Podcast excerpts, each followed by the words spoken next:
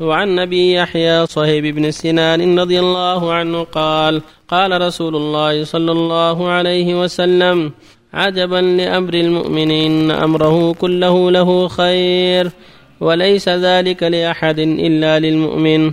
إن أصابته سراء شكر فكان خيرا له وإن أصابته ضراء صبر فكان خيرا له. رواه مسلم. وعن أنس رضي الله عنه قال لما ثقل النبي صلى الله عليه وسلم جعل يتغشاه الكرب. فقال فاطمة رضي الله عنها ما كرب أبتاه فقال ليس على أبيك كرب بعد اليوم. فلما مات قالت يا أبتاه أجاب ربا دعاه يا أبتاه جنة الفردوس مأواه يا أبتاه إلى جبريل ننعاه فلما دفن قالت فاطمة رضي الله عنها أطابت أنفسكم أن تحثوا على رسول الله صلى الله عليه وسلم التراب. رواه البخاري. وعن أبي زيد أسامة بن زيد بن حارثة مولى رسول الله صلى الله عليه وسلم وحبه وابن حبه رضي الله عنهما قال أرسلت بنت النبي صلى الله عليه وسلم إن ابني قد احتضر فاشهدناه فأرسل يقرئ السلام ويقول إن لله ما أخذ وله ما أعطاه وكل شيء عنده بأجل مسمى. فلتصبر ولتحتسب فأرسلت إليه تصم عليه ليأتينها. فقام ومعه سعد بن عبادة ومعاذ بن جبل وأبي بن كعب وزيد بن ثابت ورجال رضي الله عنهم. فرفع إلى رسول الله صلى الله عليه وسلم الصبي فأقعده في حجره ونفسه تقعقع ففاضت عيناه. فقال سعد يا رسول الله ما هذا؟ فقال هذه رحمة جعلها الله تعالى في قلوب عباده وفي رواية في قلوب من شاء من عباده وإنما يرحم الله من عباده الرحماء. متفق عليه. بالله التوفيق. بسم الله الرحمن الرحيم. الحمد لله وصلى الله وسلم على رسول الله وعلى آله وأصحابه ومن اهتدى بهداه. أما بعد هذه الأحاديث الثلاثة كالتي قبلها. فيها الحث على الصبر والاحتساب عند المصائب. وأن الواجب على كل مؤمن ومؤمنة عند المصيبة الصبر وعدم الجزع. هذه أمور كتبها الله وقدرها لا حيلة فيها. فالواجب عند المصيبة الصبر وعند النعمة الشكر. وهذه دار الابتلاء والامتحان. ولهذا يقول جل وعلا إنما يوفى الصابرون أجرهم بغير حساب. ويقول سبحانه واصبروا إن الله مع الصابرين. ويقول لنبيه عليه الصلاة والسلام واصبر وما صبرك إلا بالله. فالمؤمن لابد يبتلى. تارة في نفسه تارة في أولاده تارة في أقاربه تارة في أحبائه تارة في المسلمين لابد من الصبر. ولهذا يقول صلى الله عليه وسلم عجبا لأمر المؤمن إن أمره كله له خير وليس ذلك لأحد إلا للمؤمن.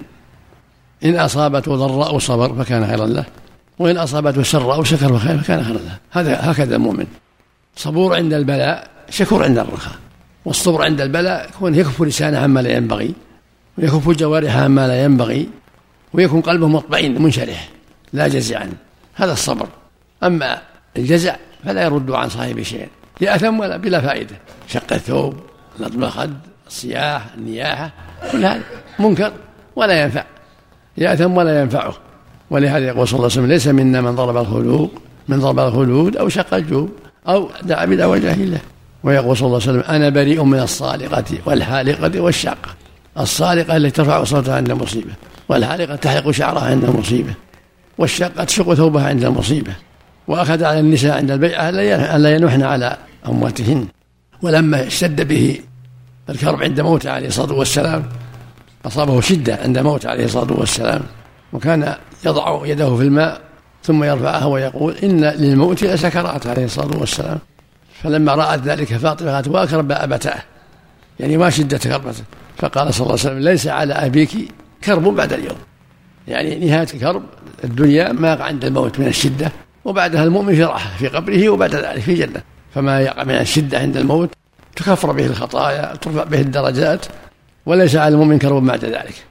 وقالت يا وأبت هجاب ربا دعاوه المقصود أن من باب التوجع وأبت يعني وتوجع مما أصابه عليه الصلاة والسلام. ثم قالت جنة الفردوس مأواها والمقصود أن هذا مما يسلي المؤمن ويعزيه. كون المؤمن ليس عليه كرب بعد اليوم. نهاية كرب المؤمن عند الموت. ثم له الراحة في قبره وفي دار كرامته في الجنة. هذه نهاية المؤمن. وفي حديث ثالث أن إحدى بناته صلى الله عليه وسلم دعته للحضور عندها لأجل مرض ابنها وقد أصابه فدعت أباها أن يحضر حتى يطمئنهم ويسليهم ويعزيهم. فقال لمبعوثها لرسولها قل لها أن تصبر ولتحتسب فإن لله ما أخذ وله ما أعطى وكل شيء عنده بأجل مسمى فلتصبر وتحتسب فردت عليه مندوبها تقسم عليه وتقول إنه يحضر عليه الصلاة والسلام. لما عندها من الشده في بسبب مرض الولد فقام صلى الله عليه وسلم إليها وأجابها. هذا من تواضع صلى الله عليه وسلم وعنايته بأهله ورحمته لهم عليه الصلاة والسلام. لما أقسمت أجابها. قام إليها عليه الصلاة والسلام وقام معه جماعة من الصحابة. سعد بن عبادة معاذ بن جبل وابي بن كعب. جماعة سامح بن زيد فحضروا عندها قدموا له الصبي عليه الصلاة والسلام فإذا نفسه تقعقع عند الخروج قد احتضر. نفسه قد قربت الخروج يعني الموت. فلما رأى ما به من الشدة وقرب خروج روحه بكى عليه الصلاة والسلام. دمعت عيناه. فقال له سعد بن عبادة أحد الحاضرين يا رسول ما هذا؟ يعني ما هذا البكاء؟ قال إنما هي رحمة وإنما يرحم الله من عباده الرحماء كون الإنسان يبكي عند الموت بدمع العين لا بأس لا حرج. هذا من الرحمة والله يرحم الرحماء سبحانه وتعالى. ولهذا لما مات ابنه إبراهيم عليه الصلاة والسلام قال العين تدمع والقلب يحزن ولا نقول إلا ما يرضي الرب. وإن بفراقك يا إبراهيم لمحزونون. دمع العين وحزن القلب لا يضر. إنما المنهي عنه رفع الصوت. الصراخ والصياح وشق الثوب لطم الخد هذا المنهي عنه. أما كون العين تدمع عند مصيبة لا حرج في ذلك. وفق الله جميعا. إذا مثلا أحس الإنسان بألم وأخبر من حوله هل يعتبر من الجزاء؟ صلى الله عليه وسلم؟ لا مو من الجزاء لا بأس. النبي صلى الله عليه وسلم قال واكرباه هذا نوع من الإخبار نعم. هو أم الطفل اخبرت إن ولدها في انتظار نعم. أحسن الله عملكم. من قال يجب على الشخص أن يتحدى المرض؟ يعني يصبر عبارة مهم زين يصبر ويتحسب. وإن عالج فلا بأس. إن عالج أو قرأ على نفسه أو قرأ عليه غيره فلا بأس. النبي رقي ورقى عليه الصلاة والسلام وعالج والصحابة عالجوا لا بأس. الحمد لله. لكن ما ينبغي أن يقول هذه العبارة؟ لا عبارة عبارة سقيمة عبارة عامة. صبر والاحتساب لا بأس. طيب صبر. وإن داوى وعالج فلا بأس. العلاج سنة مستحب.